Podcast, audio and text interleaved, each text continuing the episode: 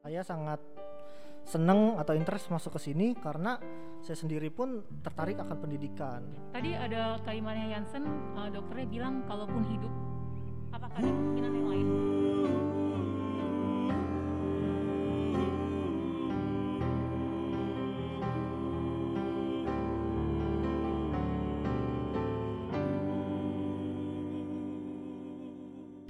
Gue Vera. Dan gue Green. Welcome to JYP, Jaka Youth Podcast. Woo, woo, woo, woo, woo. Nah, hari ini kita kedatangan tamu. Siapa tuh Green? Namanya Jansen. Oh, gue gak kenal. Siapa Green? ini? Jansen. Parah banget gak kenal.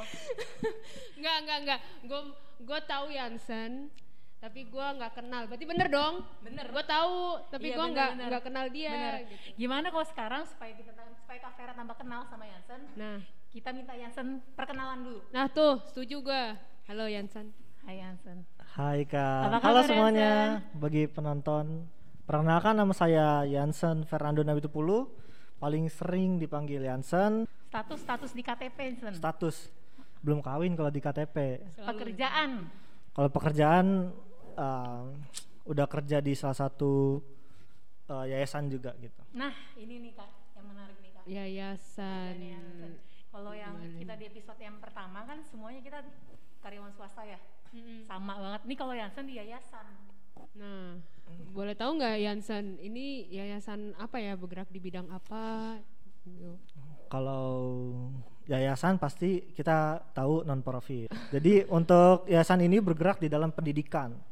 Saya sangat seneng atau interest masuk ke sini karena saya sendiri pun tertarik akan pendidikan. Apalagi salah satu eh, gereja Jaka Sampurna kan punya sekolah juga kan Drama Putra Advent. Nah, saya juga pengen tahu, cari tahu di mana eh, apa sih perbedaannya kalau orang-orang eh, karena kan yang pegang CEO-nya ini orang yang cukup terkenal. Jadi saya Siapa pengen tuh Sen kalau boleh tahu? Boleh disebut nggak namanya? Ah boleh. Namanya paling sering didengar tuh Billy Mambrasar. Walaupun di KTP-nya Gracia, tapi dia lebih terkenal namanya Billy Mambrasar. nama panggungnya. Oh, Bang Billy ya, ya Betul. tahu. Oh, iya, Dulu pernah jadi pembicara di acara PA kita Betul juga banget. ya. Itu pertama kali saya satu Zoom sama dia. Sebelumnya nggak kenal juga gitu. Cuman tahu aja lah dia nggak tahu saya sepatu pasti kan. Billy Mambrasar itu kalau nggak salah dia salah satu anak buahnya Pak Jokowi bukan ya? Iya dia staff. Benar nggak sih? Staff apa? Staff Sok ekra- ketahuan. Dia Iya, iya, staf Serem nih kalau khusus milenial. Oh iya kan, Staff staff khusus khusus milenial. Bener-bener, iya iya iya. nih. Hebat banget nih Yansen ya bisa kerja di situ. Nih kan itu eh, Yansen kerjanya di yayasan di non profit organization gitu. Betul. Waktu itu kuliahnya jurusan apa Sen? Kalau kuliah jurusan akuntansi Di mana Sen kuliahnya? di UNAI Universitas Advent Indonesia. Kebanggaan oh. kita. Universitas Advent Indonesia tepuk tangan. Nih kak, yang menarik kak, Jansen nih, Iya betul. eh, dia ini tamat kuliahnya itu nggak 4 tahun, bukan 8 semester. Oh ya? Jadi katanya Jansen ini kuliahnya 7 semester Jansen, Ya betul sekali. jadi tiga setengah tahun. Ya Tiga puji. Tuhan. Udah wisuda nggak sih Jansen? Untuk wisuda nanti bulan Juni masih nunggu.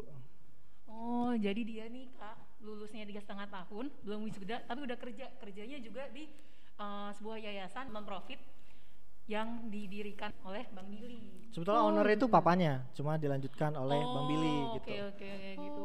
Dulu tuh cuma di kawasan Papua aja, terus uh, office-nya dia pindah ke Jakarta untuk meluas mencari founding-founding cari gitu, cari dana. Untuk tujuannya itu uh, pendidikan Papua karena di sana tuh minim banget untuk meraih pendidikan ilmu gitu. Jadi kita juga sewa-sewa apa bayar penga- tenaga pengajar guru gitu dari kami untuk mengajar orang-orang di sana. Karena eh, mirisnya di sana tuh kalau kita kan sekolah itu biasa gitu. Kalau di sana tuh menolak gitu. Bahkan enggan. Bahkan nggak mau gitu. Keras kepala. Tapi itu yang pengen diubah mindsetnya. Karena kan eh, Papua ini salah satu anak muda yang harus dibangkitkan gitu. Iya betul. Ngomong-ngomong sekolah-sekolah nih, kan Yansen nih mulus banget nih kayaknya kuliahnya nih ya, tiga setengah tahun, belum wisuda udah dapat kerja.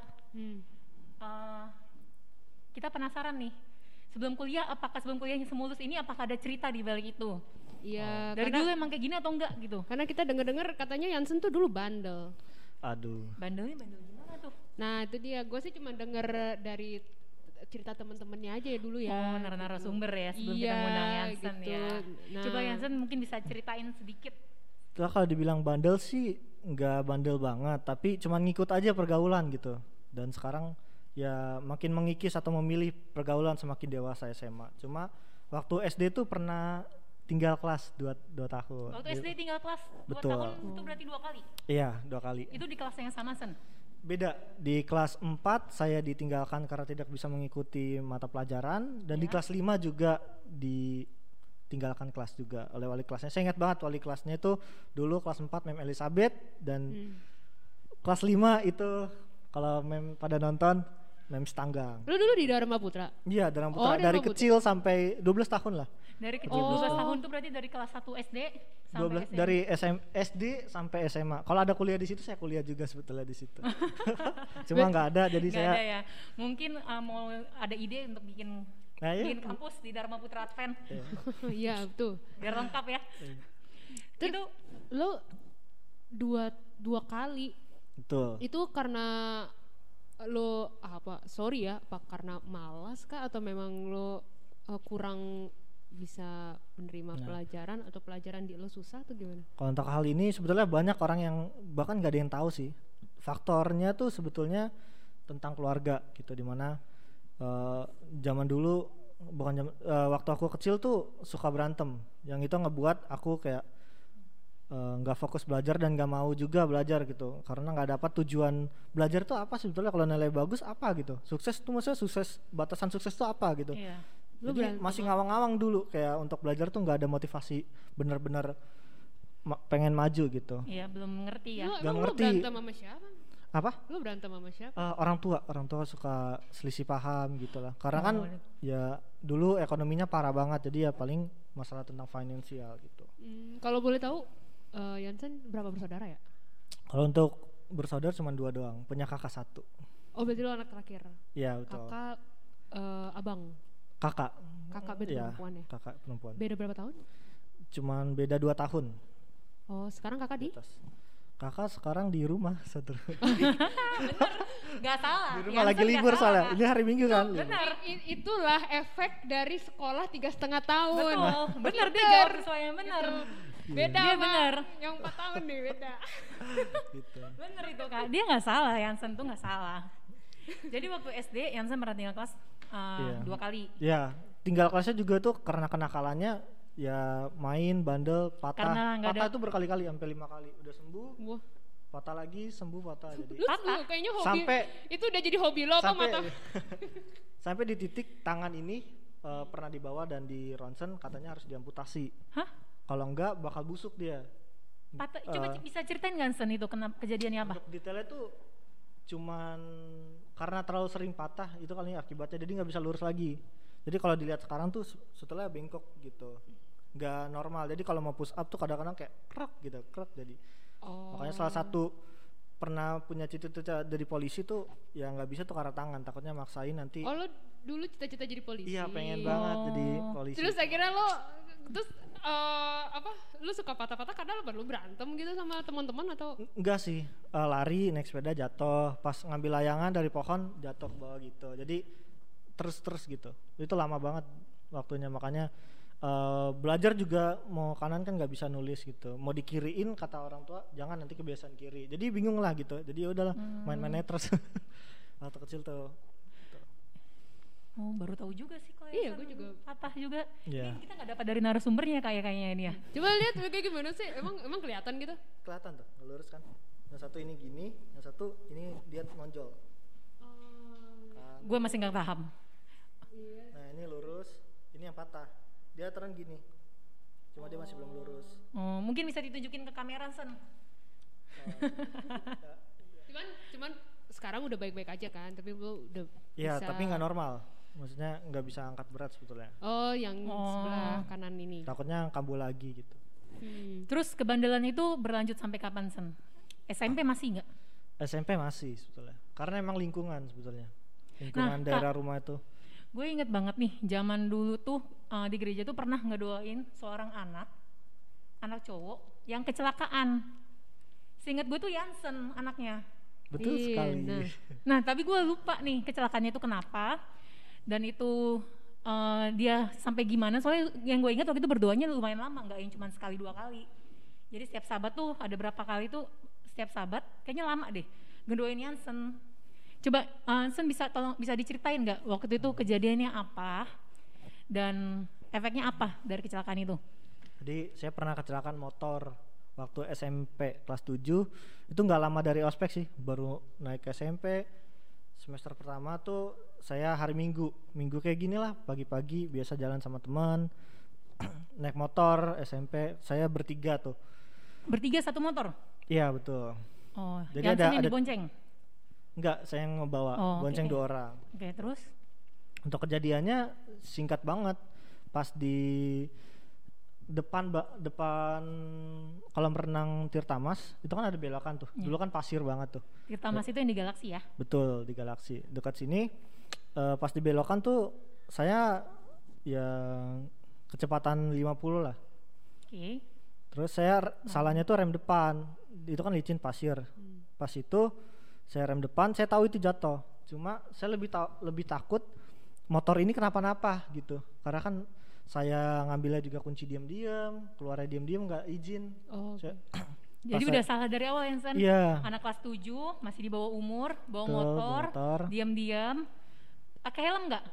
Nggak pakai. Nggak pakai helm bonceng bertigaan sama anak SMP Iya, juga? Dan nggak berdoa itu dan yang nggak berdoa. Banyak banget ya Sen ya. Oke Iya, terus? Kesalahan. Lengkap satu paket ya.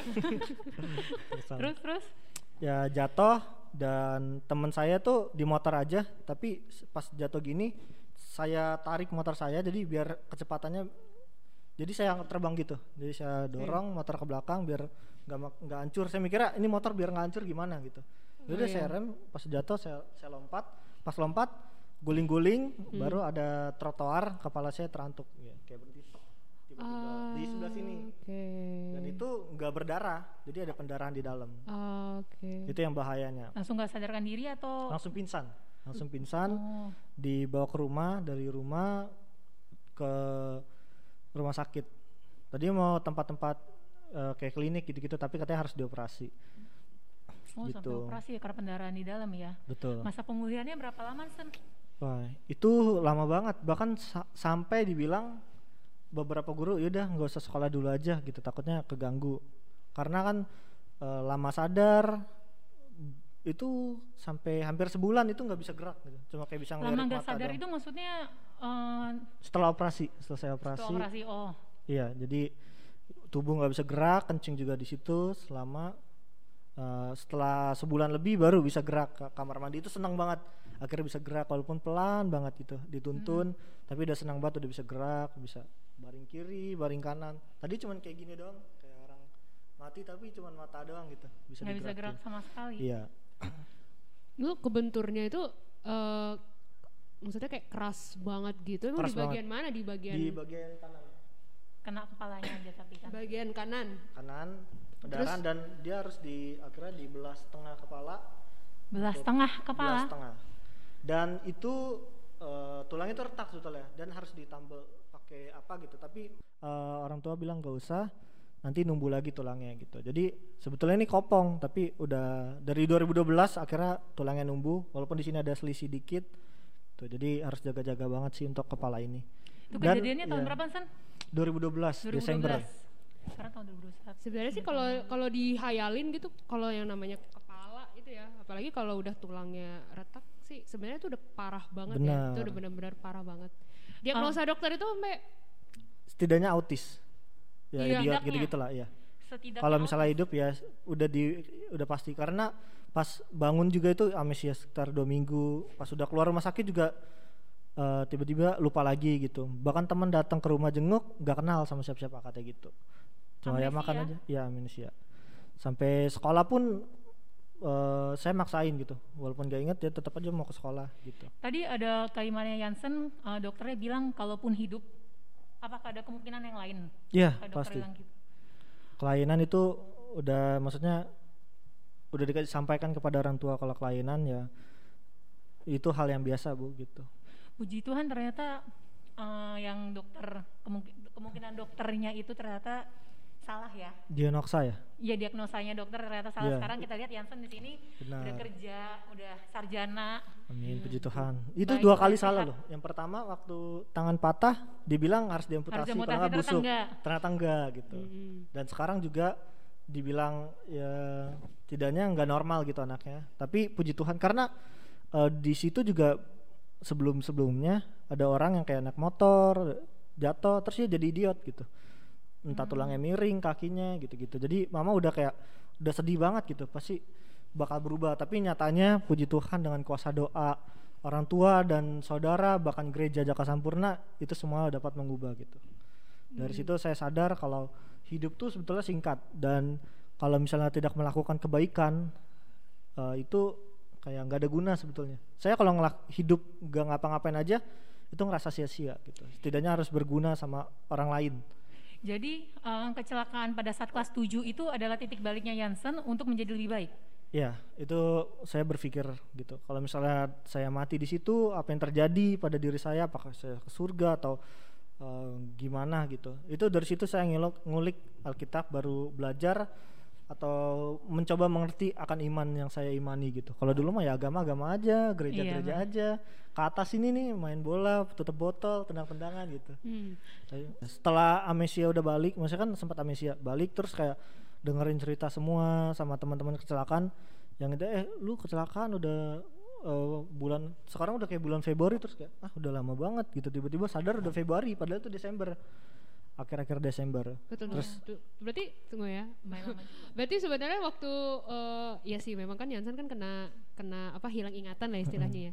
Terus Jansen juga nggak merasa juga kalau Jansen kecelakaan gitu. Iya, Jadi pas ngerasa. sudah bener-bener kayak bingung uh, aja gitu bingung. Kayak, Nggak tahu Jadi apa yang pas terjadi. pulang apa yang Iya, pas gitu. sadar Oh, tiba-tiba pala diperban terus kayak udah di itu dia di sekolah sih terus kayak eh, kayak orang linglung gitu sih awal-awal tapi nggak ingat semua gitu Oh. pelan-pelan emang step by Jadi step waktu sekolah juga agak kesusahan ya Jansen ya, karena kan kayak orang linglung. iya Jadi untuk em, belajar juga bingung pasti kan. Teman-teman juga nggak kenal siapa. Guru-guru juga nggak tahu, tapi untungnya masih bisa masih bisa ke sekolah ya. betul itu paling beruntungnya Yansen pala batu ya gitu pengen sekolah karena kan dibilang udah guru eh, nanti eh, pre atau istirahat setahun dulu aja padahal aku sadar aku udah ngelak- di SD tuh udah dua tahun ketinggalan terus mau ketinggalan ini ketiga tiga, tiga tahun Iya. jadi kayak sayang banget gitu semuanya kalau yang masalah kelas gitu-gitu terus 7 naik kelas kan.